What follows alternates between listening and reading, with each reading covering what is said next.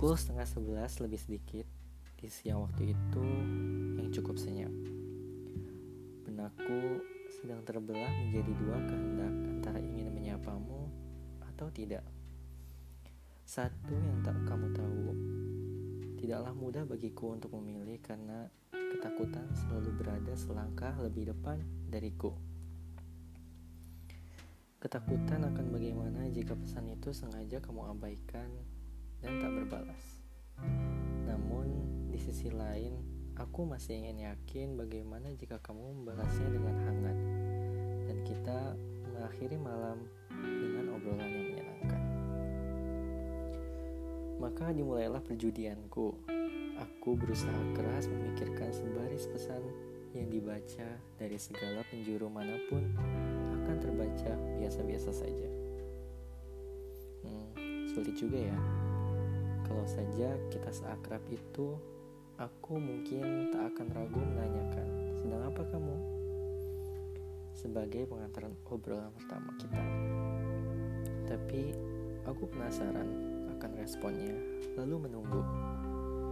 Beberapa, beberapa waktu berlalu, aku tak ingin menghitung karena setiap detiknya menggerus hatiku pelan-pelan. Tidak terdengar samar-samar apa pun bunyi nada notif itu. Namun, aku masih mau menanti. Mungkin sebentar lagi, satu menit lagi, lima menit lagi, atau sepuluh menit lagi. Mungkin kamu sedang tidak berada dekat dengan ponselmu hingga membuatmu tidak bisa membalas pesan secepat kilat. Tak apa, aku punya banyak waktu kok Sembari menunggumu, aku bosan. Lantas, mulai berselancar aku di media sosialmu. Barangkali ada kabar penting darimu yang melewat yang terlewatkan olehku. Barangkali kamu sudah menanyakan kesibukanmu seakan memperingatkan kepada dunia jika kamu tidak bisa diganggu dalam kurun waktu itu. Jika iya, aku pasti akan memakluminya jika ternyata kamu sama sekali tidak. Bisa terlihat jelas aktivitas di media sosialmu yang begitu aktif dan baru. Sementara pesanku sudah sekitar setengah jam yang lalu terkirim. Bukan, aku bukan ingin mengakang kebebasanmu untuk melakukan hal apa. Tapi kamu pasti memperhatikan sangat kecil kemungkinannya jika pesan itu tidak benar-benar sampai padamu. Ya kan? Jadi, aku tidak salah kan jika aku berprasangka kamu memang sengaja mengabaikanku. Jari-jariku patah hati. Ada sungai yang hendak mengalir di pipi jika sekuat tenaga ku tahan. Malam itu, aku baru tahu menunggu bisa semengerikan itu. Lantas, Aku mengatakan pada diriku sendiri untuk berhenti sebelum aku ditertawakan oleh keyakinanku sendiri.